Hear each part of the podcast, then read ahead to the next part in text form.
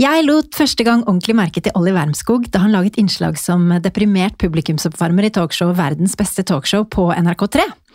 Olli er en av de morsomste menneskene på TV, som for alvor er i ferd med å etablere seg som et navn hos oss nordmenn i disse dager. Han er for de fleste i dag best kjent som makkeren til Atle Antonsen i Kongen befaler på TV Norge og Discovery, men mange har nok også et forhold til ham som en av Norges aller mest erfarne improvisatører gjennom sine mange år i ensemblet til Det Andre Teatret i Oslo.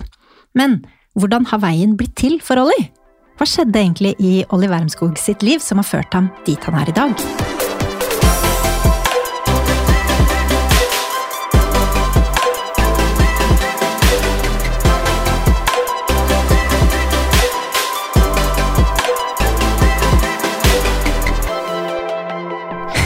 Stort spørsmål? Ja, ja, det er et stort spørsmål.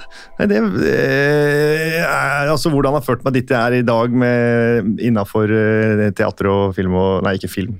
Det er løgn. Film har ikke gjort noe særlig, men eh, TV og sånn. Ja, egentlig. Ja, eh, Hvordan du har blitt den du er i dag, på en måte. Og det er jo ofte både privat og profesjonelt. Det henger jo ofte litt sammen. Ja, jeg tror eh, det Jeg begynte å steppe da jeg var syv, seks, syv år gammel. var jeg. Ja. Eh, Om steppdans. Eh, Og jeg tror det var på en måte det som åpna eh, veien til eh, scene og jobbe med folk. Hvordan fant du ut at du skulle begynne å steppe? Broren min, som er da åtte år eldre enn meg, begynte å Han hadde lyst til å begynne å steppe han var åtte, av en eller annen grunn som ingen vet. Og så hadde jeg lyst til det samme, og foreldrene mine bodde da vi bodde liksom med folk vi, i et hus hvor vi var der hvor vi hadde folk under oss og over oss. Så de var sånn «Ah, Kanskje ikke det er den beste ideen å drive og øve på det. Men de tenkte at man går sikkert lei, så de sendte oss begge to av gårde, og så gjorde vi ikke det. Forelska oss i det. Og holdt på med det masse, da. Siden. Så spennende. ja. Stepping det er ikke veldig vanlig å holde på med, er det det? Nei. Eller i hvert fall ikke Norge. Eller er kanskje ikke vanlig noe sted, bortsett fra i noen miljøer. Men eh, vi er en lita, lita gjeng da, i Norge som har holdt på. Så gikk jeg hos en uh, Jenny Wagstaff, het hun. En eldre eh, dame som hadde gått noe opera og noe dans og ballett og, opple- og step da, i London. Og tok det med seg tilbake til Norge. Sto jeg i kjelleren hennes på Jar i fem dager i uka og steppa. Hvor mange par steppesko har du hjemme i dag? Fire. Fire. Fem. Hvor ofte gjør du det? Seinest i går. Hvor gjorde du det da? Da var jeg på det andre teatret faktisk, og rulla ut noen matter. Og eh, steppa der. For jeg hadde hatt en eh, akillesskade eh, nå i to år. Eller sånn overbelastningsdrit. Så jeg begynner å, jeg har driver og trener meg opp nå, som er det kjedeligste som fins. Men eh, begynner å komme meg nå. Stepper Ja. du da bare for gøy, eller er det fordi du skal Ja, på noen måte? Ja, nå er jeg liksom tosidig. Eh, akkurat nå er det ikke så gøy, fordi jeg ligger så langt bak der jeg på en måte var. Så nå er det sånn hodet vil, men beina klarer ikke. Så nå, det, nå Det er mest bare for å komme tilbake der jeg var, og så med mål og håp om å kunne bruke det Jeg bruker det masse i sånne små, småting. Hvis jeg gjør eventer, eller hvis uh, det er en åpning av et eller annet, hva det måtte være, så er det et ess i ermet å kunne dra frem. da. Det er ingen som forventer seg det. Nei, er det, Får du da god respons fra publikum? Blir folk litt over seg? Ja, det er jo, eller ja. Det, det er jo sånn vanskelig å si, fordi man jobber med, ellers med humor, og så får du jo respons i form av latter, så du veit hva som skjer. Men uh, man kan jo se det på folk, eller folk blir overraska, og så har det en eh, Underholdningsverdien kan være lenge, men det går, etter en liten stund så må det komme noe mer enn bare liksom step. Ja, og Da slenger du på litt sang og litt vitser? Altså. Ja, ja. Det er sjelden jeg synger i sånne eventting, merker jeg. Ja, For synger du også? Ja. Men altså, eller ja med jeg er, jeg er ikke en eh, solist som folk snur seg etter, men jeg kan synge helt greit. Er sikker på at du ikke bare er beskjeden nå, da? Nei, nei jeg, tror ikke, jeg tror ikke det. Jeg tror ikke det. Jeg er ganske sikker på at jeg ikke har noe jeg, Eller jeg vet jeg ikke har en fantastisk sangstemme, det har jeg ikke. Men jeg synger helt, helt, helt fint. Helt greit. Holder til liksom uh, roller som trengs å synges i, eller ja. Men ellers, da? Hvordan har du det om dagen? Bra. Nå er jo ting er åpent, så det, man er jo lei av å snakke om det, men det gjør, jo, det gjør jo en stor forskjell. For jeg trenger liksom ikke lenger å si nei, det går greit, selv om det på en måte gikk bra da ting var stengt. Så, så gikk det liksom Man var liksom ikke fri, man ble satt i sånne lenker. Så nå, nå er ting er bra. Vi jobber litt for mye jobb etter at ting er åpna, og man skal ikke klage på det, men det er jo slitsomt når det er det likevel. Så holder på med Kongen befaler og oppå opp på det andre teatret og har en eh, kid på fire år. Og ja, flytta. Ferdig med, ferdig med sånn flytteprosess. Flytta fra hvor til Fra hvor? Flytta 150 meter fra ja. Torshov, Sand, eller Sandaker er det vel, eh, til Sandaker. Ja. For du liker deg best i Oslo-gutta. ja, det gjør jeg. Jeg tror Det er ikke så veldig mange andre byer i Norge For jeg, jeg hadde ikke takla, tror jeg, å bo sånn langt vekk fra folk. Jeg er veldig sosial, glad i mennesker. Eh, Så Oslo De andre byene jeg kunne bodd i i Norge, hadde vært Ålesund, for det syns jeg er en fin by. Hvorfor det? Bare fordi den er fin? Bare fordi du kan gå på toppen der og se Ja, det er, utover? det, det er fint der. Eh, Det er Folka der er liksom Virker veldig ålreite. Jeg har vært en del i Ålesund og jobba der. Eh, Og så er det et kulturliv der som på en måte Jeg hadde hatt noe å gjøre der òg, da. Mer enn at jeg måtte liksom finne en helt annen ny vei.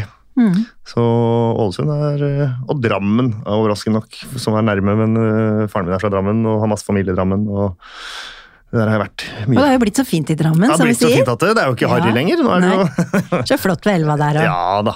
Nei, Drammen er koselig. Og nå, etter å ha gjort Kongen befaler der en stund, så er det rart, for når jeg er i Drammen, så det er det stedet i Norge hvor jeg, har, hvor jeg merker mest at folk er sånn Der er jeg, ja! Halla! Det er viktig, viktig at dere er her, og hvor er Atle? Og fullt kjør på det. Og det. Når jeg tenker meg om, hadde vært en grunn til å ikke flytte dit. Men eh, Ja. For det jeg er ikke så glad Eller hvis du trenger litt sånn selvtillitspuss hver dag, så hadde det vært fint på en måte, Ja, da. det kunne vært fint å dratt dit sånn en gang i måneden eh, når man er eh, Eller hvis det er et eller annet man trenger noe, men du, kan, du trenger jo ikke være selvtillitspuss heller. Det kan like gjerne være sånn her Greien der er dritt. Ja. Det er sant. Men får du det også? Nei, akkurat Kongen befaler får veldig lite av det. For det er liksom ikke Enten så tror jeg man syns det er ålreit, eller så er det ikke noe for deg. og da, Det er jo ikke det er ikke så lett å hate på det programmet, tror jeg. For Kongen befaler spilles inn da på Drammen teater. Ja, selve studiobiten spilles inn eh, der. Så alle oppgavene gjøres da her på Frogner, nesten. Nei, ikke Frogner. Sesong én var Frogner, sesong to har vært ute ved Borgen. Ute ved Smestad der. Ja, skjønner. I huset i gåstegn til Atle.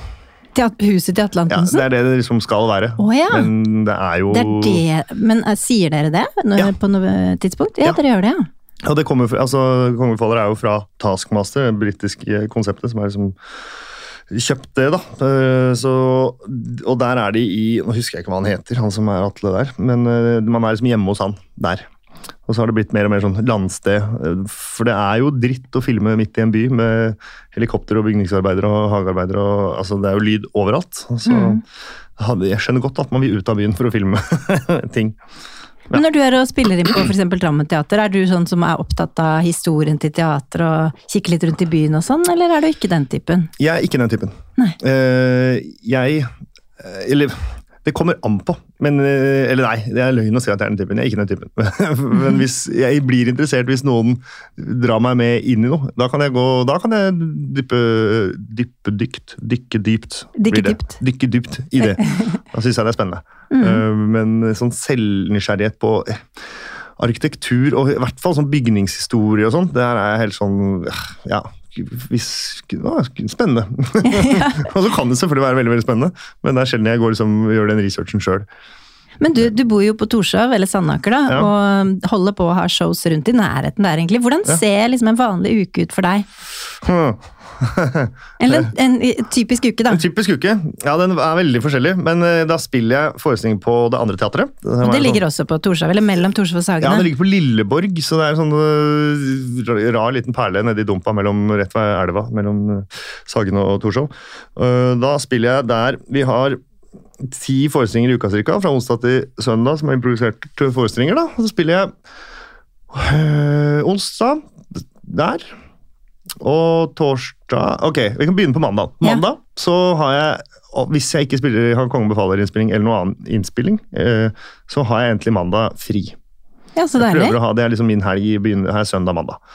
Um, men det går jo sjelden, for det er noen møter eller et eller annet. Men da har jeg i hvert fall en roligere, roligere dag. Uh, og tirsdag har jeg sånn forberedende prøver, å holde tirsdag til en sånn, så godt det lar seg gjøre, til en kontordag. Og kan alt fra fakturaer til alt mulig man skal. uh, og ting som er sånn Ja, shit, det må jeg huske. Og så sende meldinger og holde styr på livet mitt. Og så onsdag har jeg forestilling på kvelden på Dameteatret. Og samme på torsdag og fredag og lørdag. Men ikke hver uke, for vi bytter de på, men sånn ofte i hvert fall tre ganger tre dager i uka. da, Og med Og gjerne doble forestillinger. og Noen ganger så har vi Vi har jo ikke så mye prøver til impro. Men det hender vi liksom har noen prøver til noen nye konsepter, eller øh, for eksempel vi har jo improvisert musikal der, så da har vi liksom sang, fått inn noen som vi har sangtime eller noen gruppe ensemblesang eller dans eller bevegelse. Eller, ja. Men improvisert musikal, er ikke det ganske slitsomt, rett og slett? Blir du sliten etter en sånn forestilling?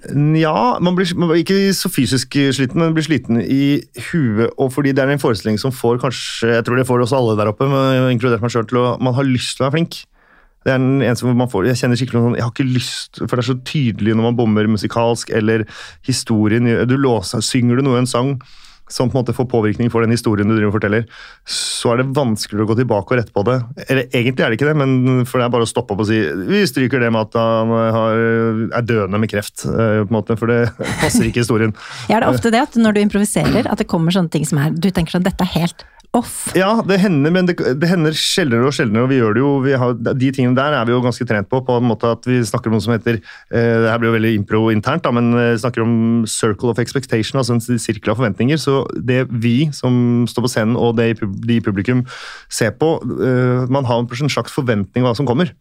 Så man skal holde seg innafor den. Så hvis man ser på Forest Gump, så er det rart hvis han plutselig setter seg i et romskip og reiser av gårde. Det hadde vært utafor liksom, forventningssirkelen av hva den historien har fortalt oss hvis det hadde skjedd en time ute i filmen. Og det går litt på skjønn, da, fra dere? Ja, det går, hva er det man, ja, det gjør det. Og erfare, eller bare sånn, ja, Hva er det man tenker at er naturlig i denne historien? Og, sikkert en sånn erfaringsbank du bygger deg opp? Ja, og så er dere da enige om det sånn internt, snakker mye om det, eller er det nei, bare sånn det er? Vi snakker om det eventuelt i etterkant. At, uh, hva, hva, hva, var planen, hva tenkte du da du sa Eller da vi gikk dit? Og så er man jo trent til å liksom bli med på ting, så jeg tenker hvis du gjør det, så har du en tanke bak det. Mm. Så da blir det ja, ok, da går vi dit, så finner jeg ganske kjapt ut at nei, du bare sa det. Uh, men det skjer oftere i sang. Fordi da har du så mange andre ting å tenke på. Ja, Du skal synge blant annet? Blant annet, og gjerne bevege deg og prøve å få det til å enten rime eller være riktig musikalsk. Eller så har man en musiker som plutselig går en annen vei, og så er det en annen som synger noe. Så si, bare fordi at du, du, tenker så mye, så bare sier du ting. Uh, og da kommer det mye rart som ikke nødvendigvis passer inn i historien. Uh, og da er det kjekt å kunne kansellere det etterpå. Uh, eller, eller som noe, ofte så har vi prøvd å ikke gjøre det og bare go with the flow, og det er mye mye vanskeligere. Det, kan, det blir veldig gøy, men det blir helt sånn usammenhengende. Da er det bedre at det blir gøy og at det er en historie der. Du, Jeg har en spalte som heter Wikipedia i denne podkasten, Ja. men du har ikke noe Wikipedia-side. Var det sånn at du slettet all info om deg på nett da du jobba i P3? ja, det var eh, jeg, eh, jeg var i 2012, tror jeg. 13. Så jobba jeg på i P3 i to, to år. Sammen med Lars Berrum, blant annet. Vi hadde et program.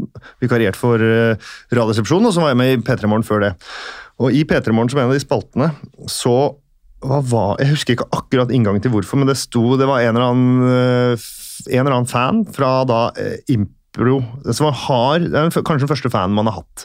eh, Som var sånn, eh, som hadde vært på sett en sånn bitte liten improgruppe, hvor han ble annet Lars og en som heter Frank Ole og Tom og Veslemøy. Så drev vi og surra rundt og holdt på med impro. og det var en vi fikk liksom meldinger av som vi ikke helt visste, vi skjønte ikke hvem det var, men det var en blanding av hyggelig og litt sånn, ah, ja, litt slitsomt. Og eh, hun da lagde Wikipedia-siden til alle oss, og så var det enten bortsett fra Tom eller bortsett fra Vesle eller et eller annet.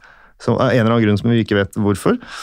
Og da ble vi liksom eh, Snakka vi om det internt, men så nevnte jeg dette her i, dag i redaksjonen i radioen. Og så sa jeg sånn, ok, men da gjør vi en greie og ser om det går an å slette liksom Wikipedia-ting. Det var en bedre inngang enn akkurat det jeg sier nå. Jeg husker ikke akkurat det var humorpoeng der som jeg har glemt. Så da gikk vi inn og rapporterte at det var feilinformasjon. Det sto bare sånn Oliver Skog, improvisatør, gått på den skolen fra Romerike, er derfra. Litt sånn, helt sånn basic eh, ting. Og så gikk det en dag, så var den vekk.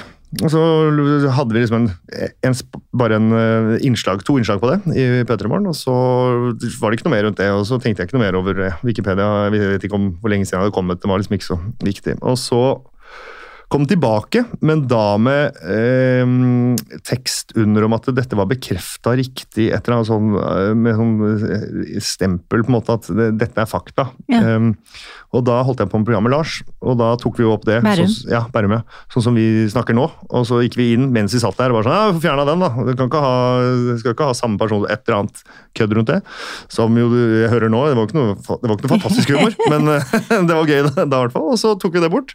Og siden så har ikke hatt noe Wikipedia-side. Vi prøvde det til og med en gang for et par år siden. Hm, det er rart at det ikke er noe Fordi vi skrev vel, tror jeg på det andre, var, var flere som skrev litt for hverandre for bare å ha en oversikt.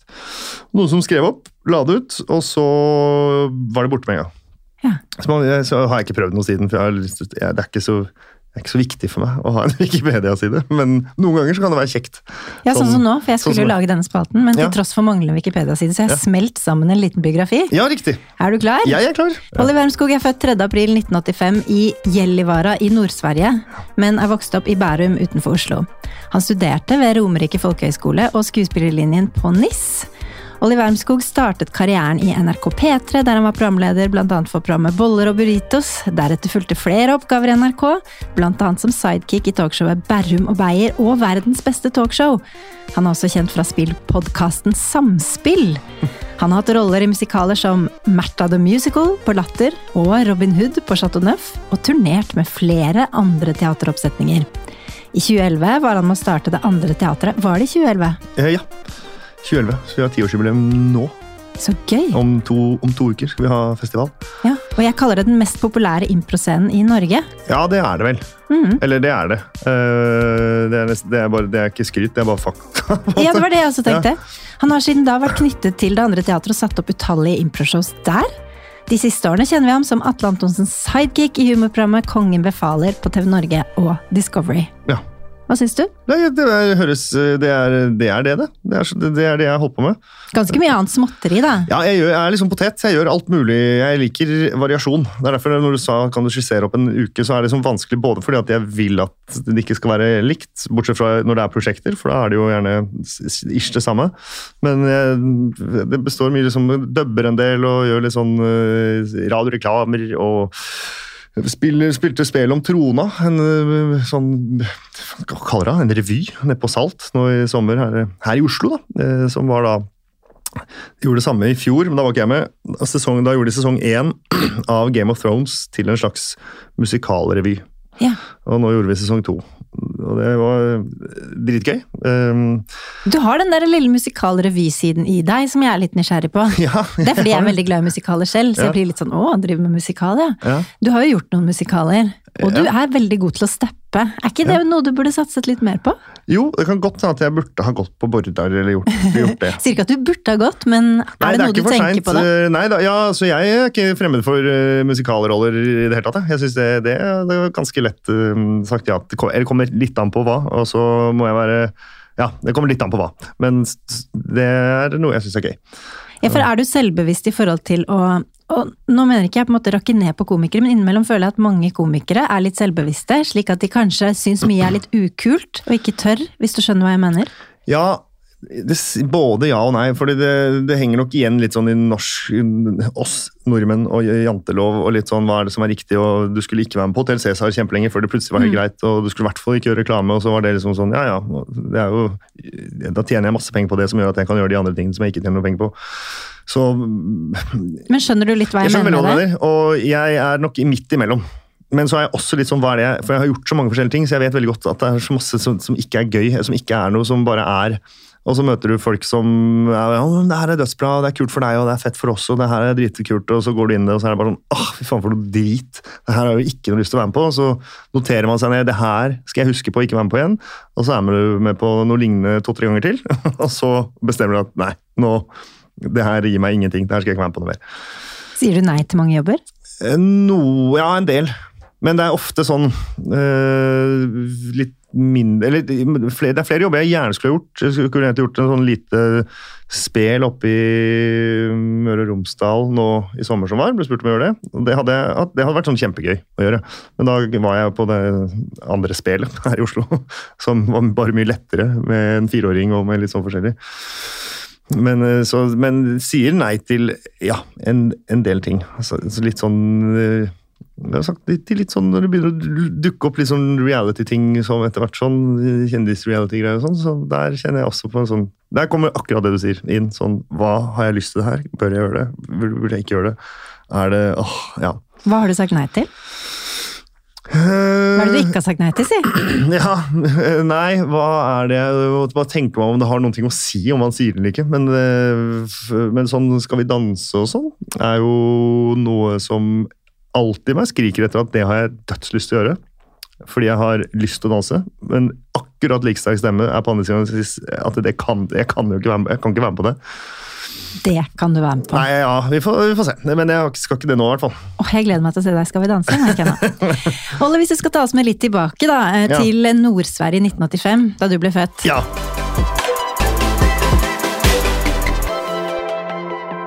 Hvordan tror du det har preget deg å um, bli født i Nord-Sverige, eller har det passert ganske greit? Det har passert veldig greit. Jeg var der ikke lenge. Jeg var der veldig kort. Hvor lenge var det Ti der? dager. Så, Men hadde du en dramatisk fødsel? ja. Eh, Eller da du ble født, kom ut Ja, jeg husker jo ikke noe av det, Nei. men eh, jeg ble naturlig nok. det var Ja, man pleier jo ikke å huske, om huske det. Til motsetning til alle de andre som husker det, så huska ikke jeg noe. Hva var det som skjedde? Jeg ble født med eh, åh, det har en uh, medisinsk blir med, Barn blir jo født med mykt punkt på hodet, sånn at hjernen skal kunne vokse, og at hodet skal kunne tilpasse seg på en måte at hjernen vokser. Fontanelle da, heter den uh, tingen, uh, som er myk og fin. Men den hadde ikke jeg, så jeg var sammengrodd i hodet. Så da hadde hjernen min vokst ut der hvor det det gode gamle Eller man vet ikke om hva det heter, men det er ikke så mange av de lenger, men som har liksom ansikt som på en måte er veldig rart og stort. og Vannhode? Ja, det er en slags vannhode. Så tyter, Da hadde hjernen vokst der hvor det er mulig. så da hadde jeg på en måte, Den hadde ikke vokst ut av kinna, men hadde pressa seg sånn at jeg hadde fått et ganske eh, annerledes ansikt og hodeform. Eh, Så det de gjør nå, er at de bare går inn med en liten sånn sonde og, med en laser og åpner på en måte kraniet. da.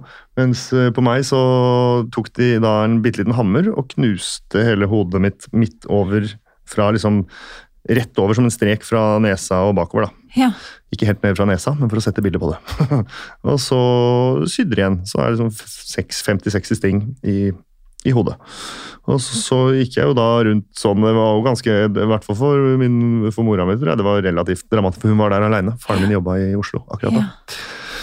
Eh, og da gjorde de det. Så ble jeg flydd til Norge sammen med mora mi, og så gikk nok det i seg selv. De har egentlig aldri spurt om hvordan det gikk den liksom, neste måneden her, om det var mye oppfølging på knust hode. Men eh, da vokste i hvert fall hjernen, og så har jeg bare noe Jeg har arr, og så har jeg sånn lite sånn bitte lite sånn eh, søkk eller sånn ja, par centimeter i bakhodet. Så på hvilken måte det har preget deg, det vites jo egentlig ikke. For du har det jo um, tilsynelatende veldig bra i dag, og merker ikke noe til dette.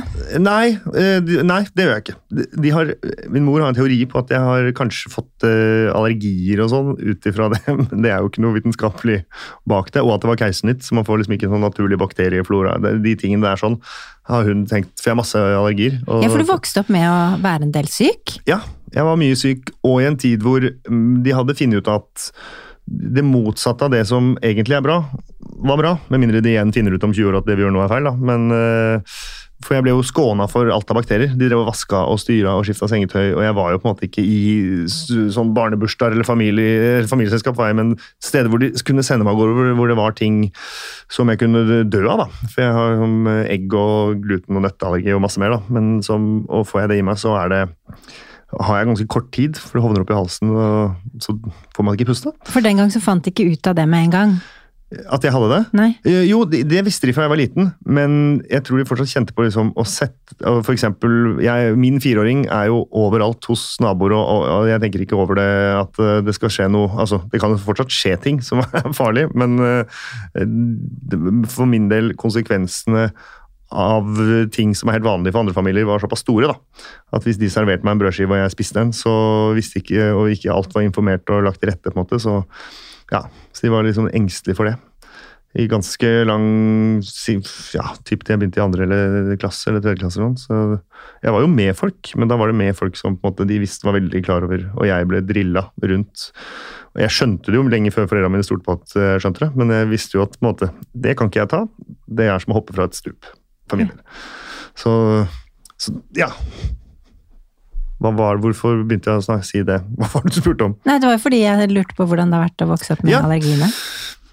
Ja, men apropos tittelen på podkasten, så er det jo det Det har nok forma meg vel så mye som at jeg begynte med å steppe, til at jeg har, har nok blitt langt mer positiv av å ha hatt det. For jeg, har liksom ikke, jeg orker ikke å bry meg om mindre ting som vanligvis hadde irritert meg. Eller hvis noe er sånn Hvis jeg skulle fått en parkeringsbot, eller øh, noen sier noe kjipt, øh, så preller det mye lettere av. For det er sånn, Ja. Det gidder jeg ikke å bruke. Da var det, da fikser vi det. Da betaler jeg den boten, eller så sier jeg fra til den personen, eller så har jeg ikke noe med den eh, å gjøre. Eller, ja. Så- Setter mer pris på det du har. Ja, sånn eh, litt ubevisst, for det tror jeg det var For det var nok en sånn strategi, overlevelsesstrategi da jeg var liten. Sånn, det var så mye som var eh, eh, vanskelig eller annerledes enn for andre. Og jeg, hvis jeg skulle gått rundt og vært lei meg for alt jeg ikke kunne gjøre For det var ganske mye da. Av alt fra sosial sammenheng til eh, ting jeg hadde lyst til å spise, til land å reise til som andre reiste til. og Foreldrene mine var litt sånn Ja, kan vi dra til noe som ikke er kjempeturist? på en måte? Ikke at det er noe å klage på, det var topp, det. Men, eh, så det har nok gjort eh, Jeg er ganske sikker på at det har gjort meg bare mye mer eh, ja, lettere til sinns. Mm. Så det, det er bra, da. Det har jeg vært veldig fornøyd med. Hvordan lever du med allergien i dag? Hvordan må du tilpasse deg? Ja, men relativt. Jeg har liksom samme strategi nå. Jeg er god på å liksom finne ut av Hvis jeg blir invitert i middag til noen, så har jeg alltid liksom spist ei lita snack før jeg drar. Sånn at det hvis at det omhatter, for det skjer ganske ofte, så er det sånn Å, shit, du tålte Ja, det er oppi den. Og det har vi da i alt. Ok, hva skal vi lage til deg? Så bare, Drit i det. Nå, det gjør meg at du eller dere skal begynne å stresse og styre og ordne for at jeg skal ha det bra nå. Jeg har det allerede bra. Dette er livet mitt. Jeg er vant med det. Null stress. Ja, for du Eh, sa det er gluten, og det er nøtter, og det er Gluten og nøtter og egg og skalldyr. Eh, og så Det er ganske mye, da. Det er ganske mye, og så er det i tillegg sånne ting som man ikke alltid sånn Ja, pære, da. Og noe f- kiwi og noen frukter, og noe, så er det et par sånne linser. og Det er, liksom, det er, masse, det er masse forskjellig av, sm av småting, og det som kan være i noe krydder, eller kan være men Hvor gærent kan det gå hvis du får i deg f.eks. Nøtter? eh, Nøtter, så ha, da, Hvis jeg hadde spist det her nå, og vi hadde låst døra på det rommet her, da hadde man jo dødd uansett etter hvert. Men da hadde jeg jo hatt et Ja, jeg tror Jeg burde jeg har vel en halvtime, kanskje. Nei, ikke den gang. Jeg tror før det liksom låser seg, eller hovner opp i halsen. Ganske dramatisk, egentlig. da. Ja, det er det. Men det er Ja. Ettersom jeg har hatt det alltid, så er det liksom ikke noe det er bare, For meg er det sånn det er. Ja. Det er mange som har nøtteallergier som er ganske heavy, da. Men um, ja, så alle de tingene der sånn gjør jo at man eh, i, hver, i hverdag tilpasser seg greit. Og er ganske, er blitt, eh, en, en superheltskill jeg har, er å hvis jeg f.eks. skal vi skal, La oss si man skal filme noe oppe i en eller annen hytte halvannen time utafor byen. Og så er det liksom, ja, det er noe catering eller det er noe mat, eller et annet, og jeg har hatt litt dårlig tid på morgenen og eventuelt ikke tatt med meg noen sånn backup-ting. Og så finner jeg ut der at ah, shit, det her er jo Jeg tåler, jeg kan ikke spise noen ting av det som er her. Da bare vrir jeg om, og, og så aksepterer jeg det umiddelbart. Og bare sånn, det her, er- For jeg kan irritere meg og tenke sånn Hvor er nærmeste? Rekker jeg det? Går det opp? Mhm. Og så bare skrur jeg av sult. Og det er kun det jeg skjønner Det klarer jeg ikke ellers, men kun jeg skjønner her er det ikke noen muligheter. Greit.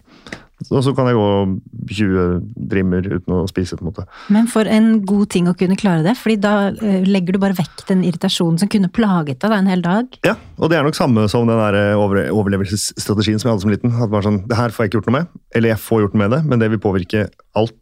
Altså Hadde jeg vært døende sulten, så hadde, jo, så hadde man jo ordna det. Men da, da er det digg. Og da klarer du å konsentrere deg og gjøre det du skal på jobb allikevel. Ja, Ja. Det gjør jeg. Det, det er jo ikke ideelt, men det går, det går helt fint. Det har skjedd mange ganger. Men egentlig, eh, de fleste burde jo ha litt mer av den egenskapen der. Ja. Ja. Det, kan, ja, det er jo det, Skulle ønske jeg hadde den litt mer. Ja. jeg, var i, jeg, var, jeg var på dykkekurs i Thailand. Det har jeg Og også vært. Ja, og da var vi ute og dro ut med båt. Skulle sove over et eh, sted. Det var med en, en gjeng, så det var ikke noe, så det var ikke noe restaurant der. eller noe sånt. Og da fant jeg ut når vi begynte å kjøre ut der, at, at det var utelukkende sjømat, alkohol, og, og så hadde de nøtter. Og så tror jeg de hadde én klasse med bananer nå. Da skal jeg borte i 48 timer og dykke og gjøre alt mulig. Mm. Og den, den var heavy. Da, Den er lei. Ja, så da jeg drev, husker jeg, når vi kjørte tilbake, drev jeg liksom drakk Det var vann der, altså, altså det var jo ikke noe altså Jeg ble jo ikke Det gikk jo bra, men det var, den, var, den var tung. Da drev jeg spiste liksom noen saltkorn og drakk vann på de siste liksom, to timene, for da kjente jeg nå har jeg ikke mye energi igjen. Du skal jo gjerne være litt fokusert når du dykker. Ja. ja det...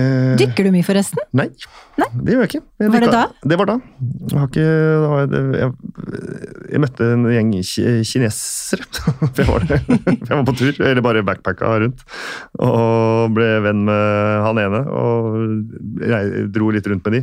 Så det var jo et meget uforsvarlig dykkekurs, for det var eh, en de, altså det var en kinesisk dykkekurs. Så jeg skjønte jo ikke hva som ble sagt. Eh, Og ringte kusina mi i Finland, som dykker masse. Og reiser rundt i verden og dykker. Eh, Og sa jeg var på dette kurset, jeg er i båt på vei ut, skal dykke. Jeg, har ikke skjø jeg, jeg skjønner ikke Jeg har sagt til han ene som, eller et par av de som snakker engelsk, på en måte, at jeg henger ikke med. Så prøvde de å oversette. Og så, sa han, ok. og så sa han ja, først og fremst, ikke gjør det. Så jeg jeg er på vei, jeg kommer til å gjøre det. Ok, da er det disse triksa. Tommel opp betyr at du vil opp, og sånn eh, runding med tommel og pekefinger betyr at alt er ok. og liksom Blås ut, hold på maska, blås ut med nesa, få ut sånn, ikke få panikk. Tralala. Men skulle du da ta dykkerlappen? Var det første gang Nei, du skulle jeg få hadde ikke tatt noe sertifikatet? kurs. Jeg hadde, altså, jeg hadde, tatt, verb- altså, jeg hadde hørt på et foredrag i en halvtime på kinesisk. Og så dro, altså, det var, ja. og så dro man ut der, og så Men hadde, du hadde egentlig ikke lov når du ikke hadde Jeg dykkerlappen? nei. Nei. Men jeg tenkte dette, jeg stoler på de folka her, jeg. De virker jo bra. Jeg var på også et litt sånn dodgy dykkerkurs på Koh Tao i Thailand. Ja, ikke sant? Var det der du var òg, eller? Nei, det her var i Det var i Thailand, men det var utafor Hva heter det der, da? Det er en sånn klatrested nede i Det er ikke langt unna. Eller Kotao Nei, Kotao er helt oppe i nord. I, Jeg husker ikke helt, for å være helt ærlig. Det spiller egentlig ikke så stor rolle. nei, det er ikke så farlig, det. Nå Men ble- du har i hvert fall ikke dykket så mye siden. Jeg har ikke dykka noe siden. Vi Nei. skulle ned på fem meter, gikk ned på 25, og så på vrakrester øh, av et sånn, en fiskebåt som var der. Og jeg skjønte hvor langt ned jeg var, for han tommel opp av Nei, han, det gjorde han ikke, men han viste på klokka uh, hvor langt nede vi var. Og så, da, da kjente jeg at jeg begynte å få liksom sånn For nå kan jeg ikke bare gå opp.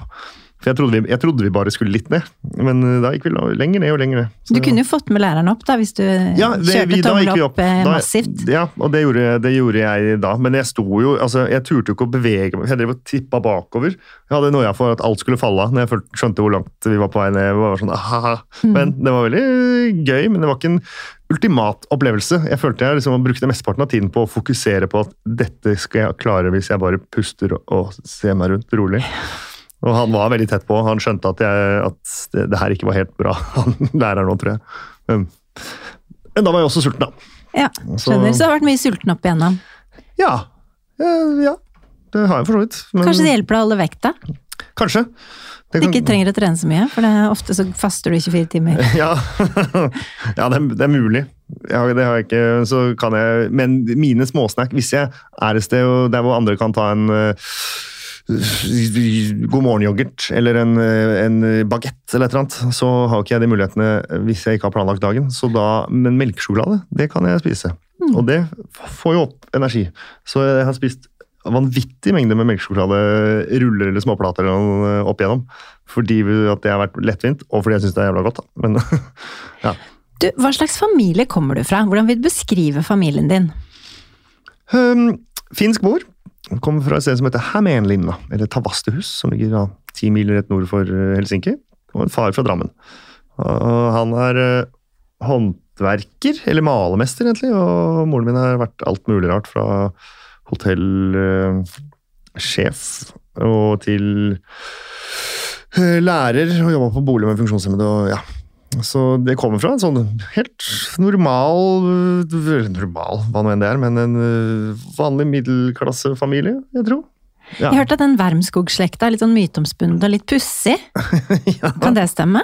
ja, det kommer an på om man Eller det er en di direkte i hvert fall far er tett på liksom faren min sin øh, familie. Han har fire, eller hadde fire søsken. Så er det en veldig direkte, øh, høylytt og morsom uh, gjeng som fikser alt sjøl. Det er ikke noe Nei, litt sånn oppfinnertyper. Ja, ja, det er de. Petter Smarter. Ja. Jeg har en far som er, har alle løsninger. Han ordner alt sjøl. Har hjulpet både meg og broren min med å Hvis det er noe sånn åh, den ledningen der opp til den lampa, må vi inn bak? Nei, det veit jeg ikke. Så da ringer jeg faren min, og så kommer han innom, og så surrer han rundt, og så plutselig er det løst, og så viser han ja, men se her, og så er det et eller annet bak en eller annen list.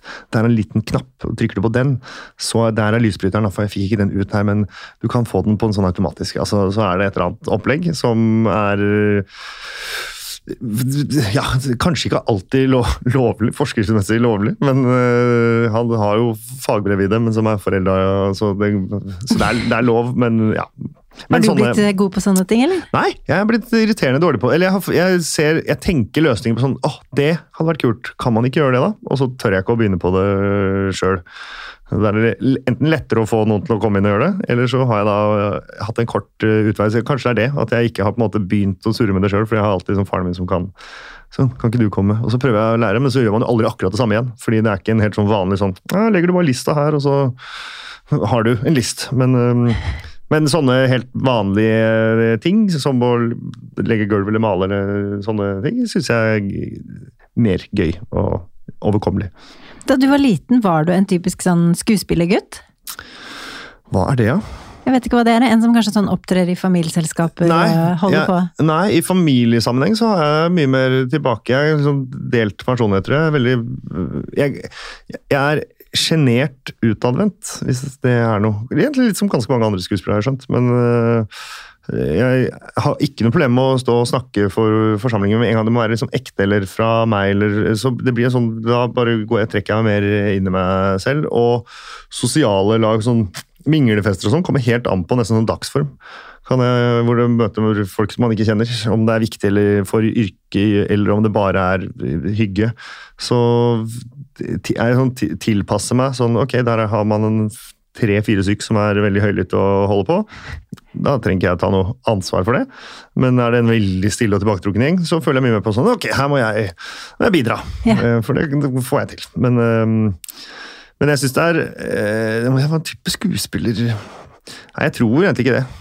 Jeg tror, for jeg begynte liksom ikke annet enn den Stepp-greien, så var jeg ikke med på noe ikke noe sånn barneteater. og Jeg sto jo på scene med Stepp da, og ganske ofte, men Likte å tulle litt og gjøgle litt rundt, husker jeg, på skole, i skolesammenheng. Merka at jeg fikk folk til å le og synes det var gøy. Litt mer om den steppingen, fordi ja. fortalte, du fortalte ikke i stad hvordan dere kom over at dere skulle begynne å steppe? Ble dere introdusert eh, til det av moren din, eller var det noe broren din fant ut at dette er gøy? Nei, det var broren min som Broren min fant vel ut at, det var, at han hadde lyst på liksom tromme Han hadde samme som jeg hadde, det, jeg var, det fikk jeg høre etterkant var uavhengig av hverandre. Men øh, han hadde lyst til å begynne å spille trommer. Han syntes det var gøy, uh, som de fleste barn syns er gøy å drive og tromme på ting.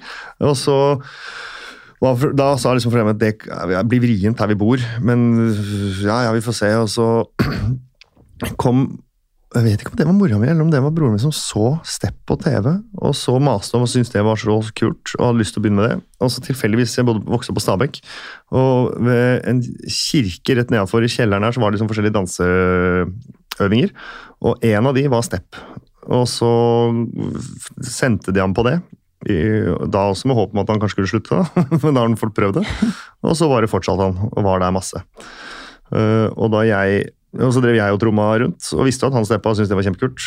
Og så sa de sånn ja, du får begynne å sende du òg, da. Og var sånn, ja, det skal jeg jo selvfølgelig. Og så begynte jeg også med det.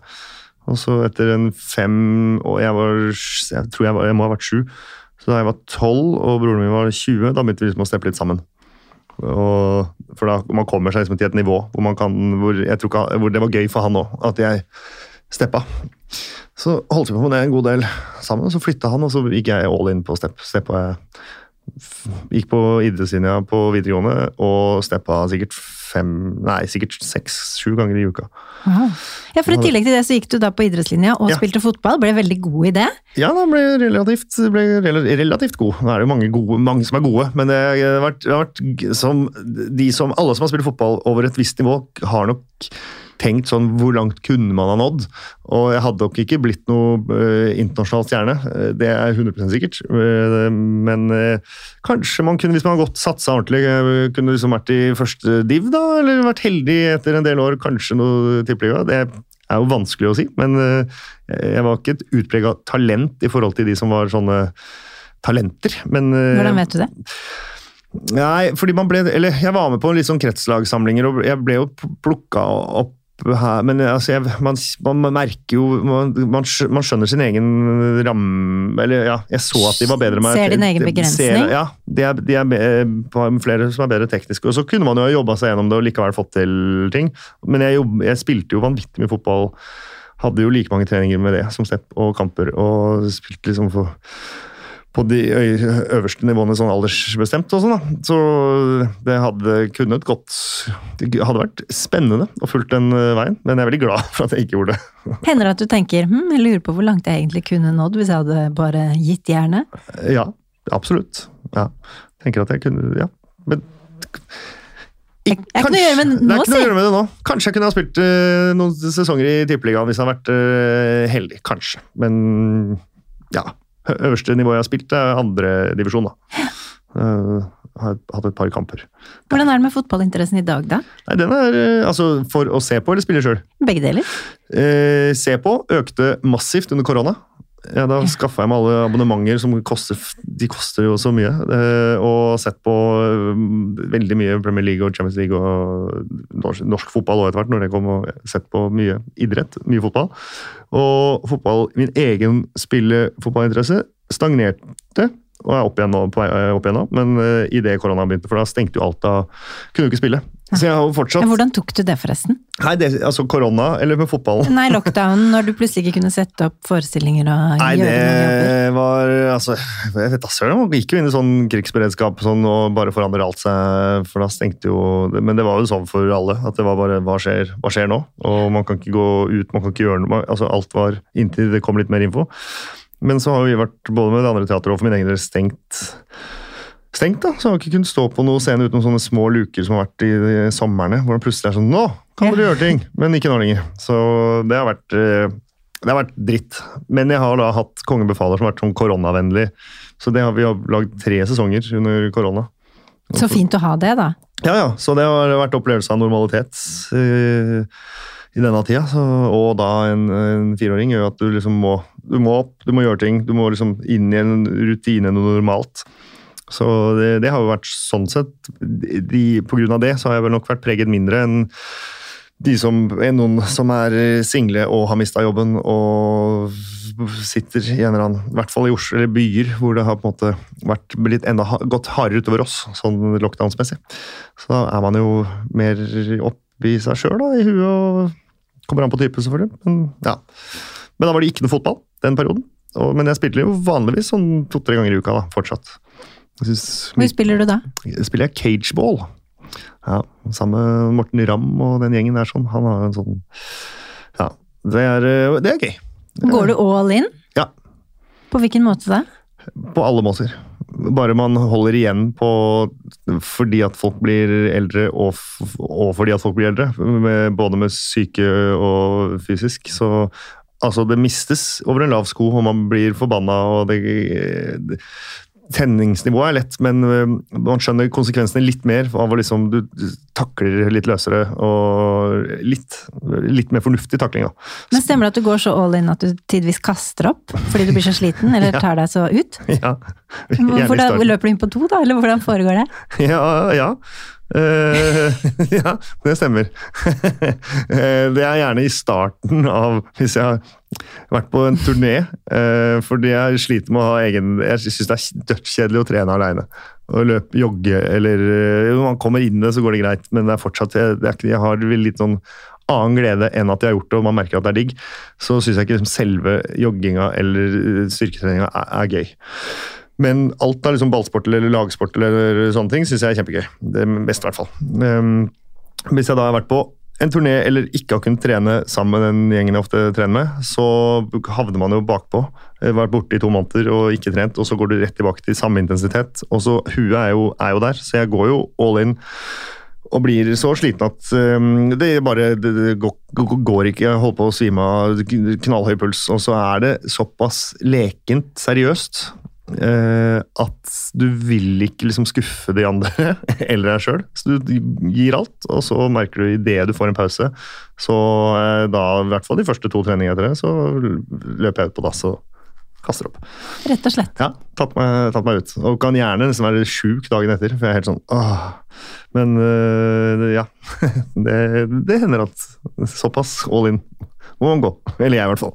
Da har du fått deg en god treningsøkt, da. Jeg vet ikke om den er så god, jeg, men den er, den er i hvert fall i hvert fall all in. Og, men, og de, de andre er mindre skuffa enn det hadde vært hvis øh, jeg hadde stoppa meg sjøl. Og jeg hadde vært mindre skuffa.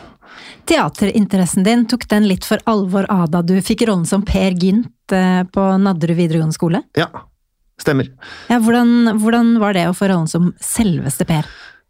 Eh, Det var liksom andre, for Jeg gikk på Nadderud, og der hadde de ikke revy.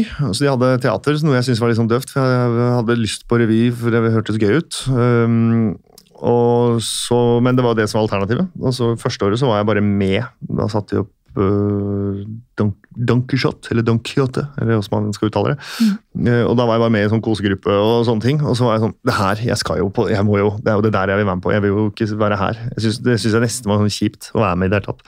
Men uh, året etter så gikk man på audition da, for å få lov. Og der ble jeg også interessert i impro for første gang. Ja. For han som da var instruktør der, og der gikk også Lars Berrum, var med på det, det teatret, vi gikk på samme skole. Han heter Frank Ole Sæterang, og han øh, så et eller annet i oss da, i, i det, og vi fikk jo stor rolle begge to. Og så har vi siden vært i den første improgruppa, var med han og Lars og meg, og ja, Tom og hun Meg, da. Som vi eh, gjorde. Men eh, det var veldig gøy og eh, ekstremt krevende, fordi jeg ga liksom opp alt av vanlig gikk ikke, Hverdagen gikk ikke opp med trening og dans og de ting man skulle gjøre, og lære seg de replikkene og prøve på det. Så da røk da gjorde jeg var, jeg var på skolen, men jeg, da satt jeg og leste det. Så jeg fikk når vi, vi fikk jo sånn uh, toppkarakterer da, i aviser og sånn, for de gir jo karakterer på, til revyer og teater og sånn um, på skolenivå. Og så uh, da lærerne som kom, for jeg holdt jo på å stryke masse fag, fag, men så så de da kom og så denne oppsetningen og kom bort i etterkant bare sånn Vi skal finne en eller annen løsning. Vi ser det, vi skjønner at du har jobba.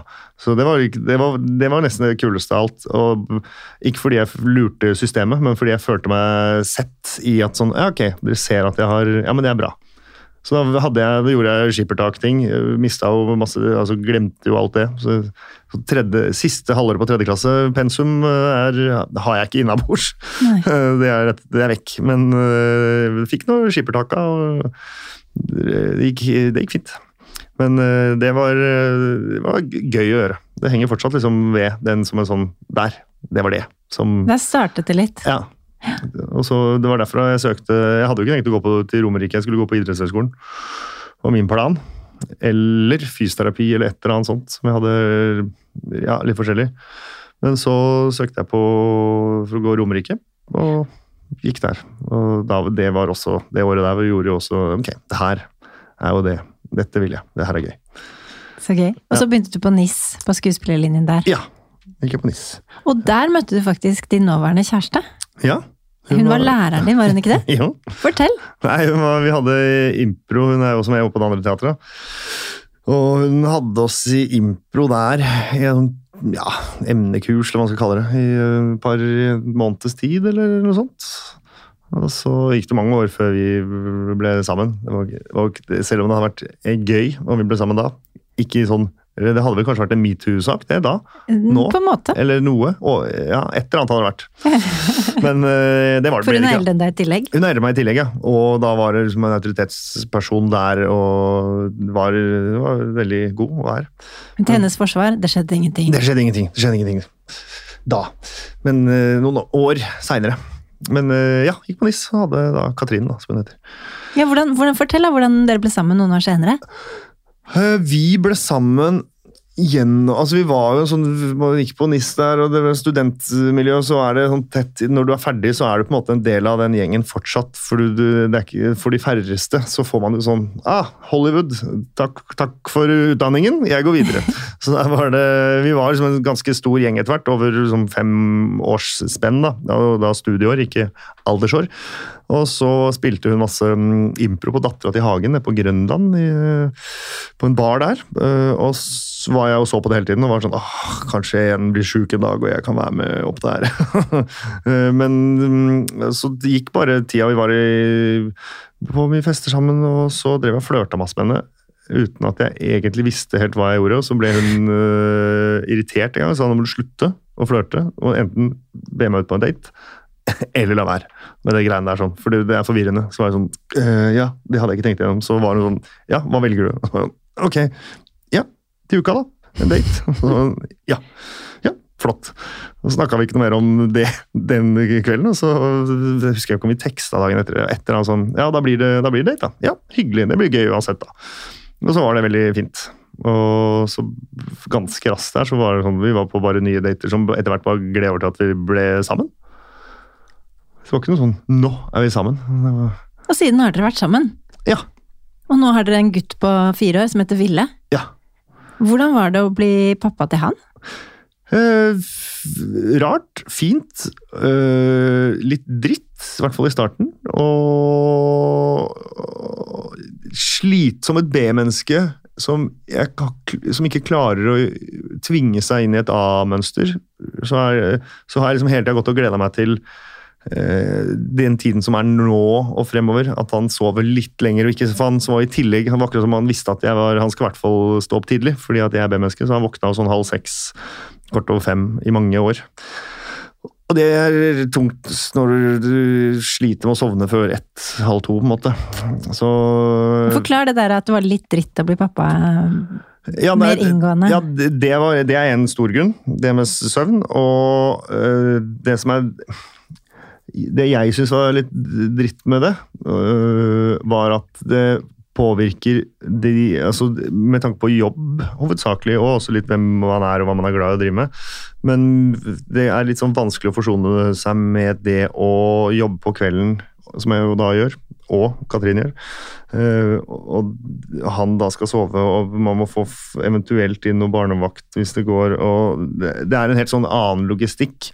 Og så var det at jeg syns ikke det var så gøy Eh, Jeg hadde sett for meg tror jeg, kanskje, at det skulle være mye morsommere. Og eh, jeg så for meg at sånn som det er nå, når han er fire, var litt sånn, jeg skulle i hvert fall få mye mer, mye mer av det, selv om han bare var et halvt år.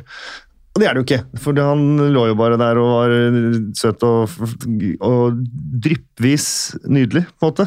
Og så gikk det til at det var et eller annet. og Sånn, ok, du må fikse, ok, hvorfor gri... Hæ? Så blir man litt sånn gal av det. Eh, Og det tror jeg gjelder ni av ti. eh, Men så skal man ha en sånn glorifisert holdning til at det å få barn er det beste som kan skje, og det er det på mange måter, men det er også ikke det. Men nå er jeg veldig det, Og så var jeg også klar over, og vi snakka masse om det òg, klar over hva det var. Og jeg prøvde også å snakke med andre som da også har kids, og var liksom rask på ballen på å si at jeg syns dette er jo det er, ikke så, det er ikke så fett. Og, så de aller fleste er sånn Ja, enig. Men det er jo fint. Altså, for man har det, jeg merker nå at jeg har behov for å si det var jo fint, men det var det åpenbart. Mm. Og det ligger bare der. Men utenom det så er det jo mer Det var mye mer, var mye mer irriterende enn øh, vakkert. Og så går den skalaen, de skalaene møter hverandre, og så blir det mer vakkert og mindre irriterende etter hvert. Eller mer gøy og mer alt. Nå kan man jo gjøre ting man, som, er, som jeg også syns er gøy. Man vet jo ikke hva slags baby man får heller. De kan ha ulike utfordringer. Noen skriker masse, Ja, sover lite. ja. Helt Og, umulig å si. nei. Og masse ting og fødselsdepresjoner som folk går igjennom, kan gå igjennom, og det kan være vanskelige fødsler, og det kan være ja, masse, det er masse styr og åren.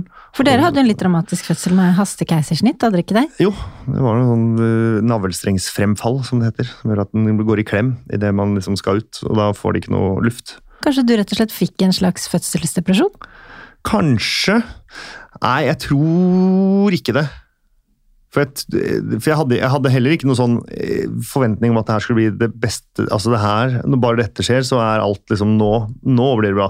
eh, Med alt. Eh, var, men jeg, så jeg var jo sånn realistisk til at det her, er, det her kommer til å bli annerledes, og ting kommer til å forandre seg en del. Og så var jeg også ganske opptatt av at jeg ikke skulle gjøre det, så at vi skulle fortsatt liksom Vi skal få til å gjøre Jeg er også viktig i dette, og så videre og så videre. Jeg må bevare meg sjøl, og det, det, gikk, det gikk fint. Eh, men det var mer sånn det vanlige, hverdagslige. At det var, var, det var bare deg og den greia som lå der, som du på en måte Kroppen din sa han er bra, mens sinnet mitt var sånn hvorfor, Vi hadde det jo bra, hvorfor skal vi ha noe inn i dette. I dette. Og så det jo Så er det jo Heldigvis, og eh, dessverre, på en måte, for er jo Kroppen er jo laget sånn at man skal elske dette vesenet. Eh, så heldigvis så gjør man jo det, da. Så da kommer man seg gjennom alt det som er dritt. Og egentlig kan stryke dessverre, for det er jo ikke noe dessverre. Alternativet har vært at jeg hadde sagt du, eh, nei takk, og godt måte. Så tror jeg man blir veldig glad for å ha barn når man blir eldre. Ja. Da, den, da, kommer virkelig den investeringen til sin rett. Ja, ja. Det, og, Når de kommer og besøker deg sånn, uten at jeg har opplevd det, men nei, ja. se for meg at det må være fint, da. Ja, det er det vel. Det er jo mange år til. Han skal flytte og begynne å komme på besøk. Men, det er slutt til. Hæ? Det er en stund til, ja. En stund til. Men tida går fort. Plutselig er den der. Men du kan jo flytende finsk fordi moren din er finsk. Ja. Snakker du finsk med Ville òg, eller? Nei, for lite. Pandemien stoppa det litt, og man skulle tro det var motsatt. Men fordi jeg snakker finsk med mora mi, og hun har vært mye, både så mye hjelp, og de, de snakker finsk sammen. Men han snakker ikke finsk til henne, men hun snakker finsk til han. Ja. Og han skjønner det meste. Men da kunne man jo ikke møte hverandre på et år, og det var jo da han var liksom to og et halvt. Ja. Så det var dumt, eh, sånn finskmessig. Mens jeg driver og leser litt, og jeg hadde et kosedyr som var eh, finsk, som driver og snakker finsk inn, og litt, eh, litt, sånn. Men det har vært for, for, for, lite av det. Men han sier selv at nå at han snakker finsk, og han skjønner finsk. og jeg kan finsk, og, sånn. og det, han kan ganske bra finsk, men til å på en måte ikke kunne. Mm. Men han snakker Han hadde ikke kunnet ha en samtale med meg på finsk, om han så hadde villet. Det du holder på med nå om dagen, som vi jo ser på TV Norge og Discovery, ja. er Konge befaler. Dere har gjort mange sesonger. Ja. Fortell litt hvordan det er å jobbe med det. Det er, det er veldig bra produksjon. Det er veldig ålreite folk. Um, og det er god stemning på sett. fordi det er, det, de deltakerne det er jo fem stykk. og så Når vi gjør da på, gjerne på våren, da, eller nå har vi gjort to i året, men uh, sier vi den som går nå, den spilte vi inn i mai-juni. og Da spilte vi inn alle oppgaver. Eh, så da er vi det huset til Atle, da. Og da kommer det én deltaker inn én dag. Og så er det to regissører og en del folk som fikser, og meg og den personen. Og lyd og ikke lys, for det Bruker dere ikke lys? Ja, jo, men ikke lys som i sånn eh, Det er, veldig, det er bare et par lamper, men de står bare oppstilt.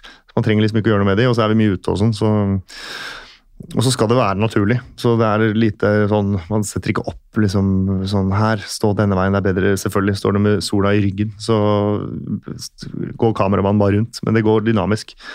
Og så er den personen inne hele den dagen og gjør sju oppgaver. Mange tror at det, alle er der samtidig, og én og én gjør samme oppgave. men det er nå Einar Tørnquist som er med nå. da, Han kommer inn, er en hel dag, og så kommer Steinar dagen etter og gjør de ofte de samme oppgavene. Kommer litt an på været, og litt an på oss. hvis Vi er sånn, vi bare rocker om litt, for det er sånn kjedelig å gjøre akkurat det samme. Og så er det relativt chill. Man, for, for alles del, egentlig, bortsett fra kanskje akkurat den deltakeren. Men det pleier ofte å være chill, for de, må, de blir jo stua opp mellom oppgaver, opp i et rom. Og får på en måte ikke lov å komme ut med mindre vi vet at det skal gjøres en oppgave et eller annet sted hvor han ikke ser eller hun, så kan man bare tusje rundt. Men så sitter der og venter, da, så er det ned på ny oppgave. Og så, Sånn går det i halvannen-to måneder. Gjør man de masse oppgaver der sånn, og med ålreite medarbeidere. Og så er det pause, det skal klippes og gjøres ferdig de vebene, de innslagene. Mm. Og så drar vi til Drammen og spiller inn ti programmer da, på et par uker. Hvor mye har det å være med i Kongen befaler egentlig betydd for karrieren din? Det vet jeg jo egentlig ikke. Fordi det er, det, har, det er, nå, og det har vært den pandemien. Men det har vært idet pandemien har vært over, så jeg har aldri jobba så mye som jeg gjør nå. Så har nok, det, det, har nok betydd en del, men jeg har jo også Jeg var jo 33 da, det, da jeg begynte på det, eller 32. Jeg er 36 nå. Så Nei, 33. Ja, samme det. Men det er, jeg var ganske etablert sånn for, overfor meg selv hva jeg ville gjøre og hva jeg drev med, og også i miljø fra før av. Så det var liksom ikke en sånn Selv om ikke Gerd på Toten visste hvem jeg var, så har jeg aldri vært noe opptatt av det heller. Men da hun kan heller ikke gi meg noe jobb. Men det kan Det skal du ikke si. Nei, det skal jeg ikke si. Det skal jeg ikke si. Men, øh, men øh, en i Tromsø som driver teater der, eksempel, kan plutselig så, Sånn sett kan det jo Men det har jeg, har merka smått, smått til det. Jeg merker jeg blir snakka til litt annerledes når jeg er på i møter og litt sånn forskjellig. Men uh, Det er litt interessant observasjon, da. ja, og irriterende òg. Men, sant? men uh, fordi man har jo sagt de nøyaktig samme tingene for Men nå er det viktigere, for det kommer fra en som er på TV. Så det er jo irriterende sånn sett. Men det er jo også digg fordi at Ok, bra. Da hørte dere da kan, dette, hva, hva syns dere om dette forslaget, f.eks.? Ja, ok, men da ble det sånn. Du får bare omfavne det. Ja da, jeg gjør det, men man registrerer jo, og syns det er Ja. pla- Irriterer meg litt øh, over det. Mm. øh, det er sånn generell basis på, generell basis på øh, Bransje er en spennende bransje med mye mye ja, Det er vanskelig liksom, å si noe uten å si, snakke i to timer om det. Mm. det, Det blir fort litt internt, men Ja. det er jo en litt pussig bransje. Det er pussig bransje, og det er ikke direkte de der spisse albuene som man alltid snakker om, men de er, de er, de er spissere enn ovale. Så det er, man, man går den veien som er enklest, og hva gjelder alt nå, den tida hvor man skal på en måte Nå skal vi ha mangfold på alle mulige måter, og det skal være likt med mann, dame og alt skal Og det er jo fantastisk at det skal være det. Mm, og det, den veien gås, men den eh, Og man later som at den gås Ja, nå er vi kommet langt, men så har man kommet eh, 10 inn. Det er jo langt unna. Så der er det jo Det er jo mange menn da, som sitter på toppene. Så det er jo sånn, og sånn er det. Og ikke at de nødvendigvis mener at er noe vondt med at de velger en annen mann, fordi de er åpne og tenker at det er det beste for programmet for noe. Men da er det jo synd å, mm, å, se, å se det, og tenke det motsatte. Og ikke kunne liksom Eller man kan si fra, men det er ikke nødvendigvis så mye man kan få gjort med. Jeg kan liksom ikke gå til en NRK-ledelse og si eh, her er min løsning. og det er heller ikke riktig, nødvendigvis. Men uh, hvordan gjøre det bedre. For det har jeg på en måte ikke eh, Jeg har posisjon litt mer til å gjøre det, men fortsatt ikke. Jeg oppdaget deg for alvor uh, første gang da du var sidekick i Verdens beste talkshow Ja. med Bærum og Beyer. Ja. Uh, Og da spilte du en deprimert publikumsoppvarmer. ja. Og gjorde ulike innslag. Jeg syns det var så morsomt. Men det talkshowet fikk jo slakt, gjorde det ikke det? Jo, jo, det var vi egentlig ganske fornøyd med. Jeg husker jeg tenkte dette er jo helt genialt. Ja, jeg var var- superfan. Hvordan kom den eh, deprimerte eh, publikumsoppvarmeren eh, fram? Nei, det, Jeg husker ikke akkurat hva det var. Hvorfor det, jeg, For det var, det, Jeg tror det var Lars som hadde en idé om at jeg kunne være liksom For jeg var egentlig bare med og skrev i starten, og så hadde jo Lars gjort masse, og så kjente Martin, men det var de som hadde fått programmet. Så vi prøvde liksom hvordan kan, jeg, hvordan kan vi få inn meg uten at det liksom For det hadde jo egentlig ikke verken fått penger til eller noe som helst. Men eh, så for siden det da skulle være talkshow, så de trenger jo en publikumsoppvarmer. Og så kjenner vi jo litt sånn forskjellige publikumsoppvarmere opp igjennom, som er de som heier opp publikum. Eh, og det var i utgangspunktet i det, så tenkte jeg sånn, det er gøy at vi liksom eh, kommer innom den personen, og så at det er en, bare en suicidal oppvarmer. Det er den triste klovnen, på en måte. Som utad er helt uh, yay, alt der. Men jeg tenkte jo bare skru det til så mye at det var over at det, Man hadde e- nesten ikke trengt å gå inn i øya på den personen eller inn i tankene hans uh, og sagt hva som skjer, for det lyste på en måte gjennom, var tanken. Men så var det gøy å gå inn i det var de morsomste opptakene. Gå, vi gjorde vel åtte, jeg husker ikke om det var seks eller åtte programmer, men seks eller åtte sånne selvmordsvideoer i et hus. Og den lille produksjonen som gjorde det, av NRK-team, og de kom jo liksom i hvert fall lyd og lys som kom dit. Ante jo ikke hva det skulle være med. Man blir jo liksom litt sånn satt i forskjellige greier. Og ok, hvordan kan det Uten at det blir bare sånn hint av hva som skal skje, liksom. Jeg husker spesielt godt en scene i et badekar. ja, det var en brød, preppa en brødrister og skulle sette meg oppi badekar. og i det jeg tippa Det er jo klassiske Det er jo nesten slapstick i det du liksom Det er akkurat for kort med ledning, da. Så det går Men jeg bare ikke. husker det som utrolig absurd, og jeg tenkte at jeg elska det da. Ja, det var mye forskjellige grep der, både med kameravinkler og alt, som gjorde at det var Ja, det var, de, det var gøy. En ting som har slått meg litt med der, er at jeg føler at humoren din er ganske sånn absurd på en måte, eller sånn, og du virker som du liker det, men så er du, og du blir beskrevet som en veldig sånn rolig eh, person i vater, som er liksom ikke egentlig sammenlignbar med humoren din, på en måte. Nei. eh, jeg Tar du det ut eh, Jeg tar det ut på scenen, ja. For jeg var på øh, ungdomsskole og videregående, så var jeg, øh, hadde jeg sterkt behov, har jeg skjønt i etterkant, til å skille meg ut og gjøre ting, og skulle i hvert fall ikke være en sånn Bærumsfyr, og kledde meg i rare klær og skulle liksom øh, bare Jeg ville ikke inn i et system, et vanlig, så jeg ville bare gjøre og kødda rundt og hadde det gøy. Men så fort jeg liksom fikk en are- arenaer å få utløp for de tingene, så merka jeg sånn ja, Jeg er jo ganske rolig fyr. Ja. Jeg liker å gjøre helt vanlige ting og slappe av. Um, så det er jo helt klart at det får utløp for det gjennom alt mulig rart. Så da kan jeg, idet jeg liksom gjort det, så kan jeg skru, skru av og bare ikke være rent tilbakelent, for jeg syns det er gøy å gjøre ting, men jeg trenger liksom ikke å gjøre noe ut av meg hvis jeg er på en restaurant eller på en bar eller ute på strand. Eller da kan jeg bare være en del av andre. Og det trives jeg i. Jeg gleder meg til å følge deg videre, Olli. Hvordan Ja. syns du det har vært å gå gjennom livet ditt fra start til slutt? Eh, Det er fint, det. Det dukka opp masse minner og tanker som jeg lenge siden jeg har tenkt. Det var ganske rolig og nedpå-prat prate her òg. Trengte ikke å gjøgle noe rundt, så det var, det var greit. Ja. Og koselig. Det var i hvert fall veldig hyggelig å ha deg med i podkasten. Jo, Tusen takk. takk skal du ha. Selv takk. Det var en ære og hyggelig å være med.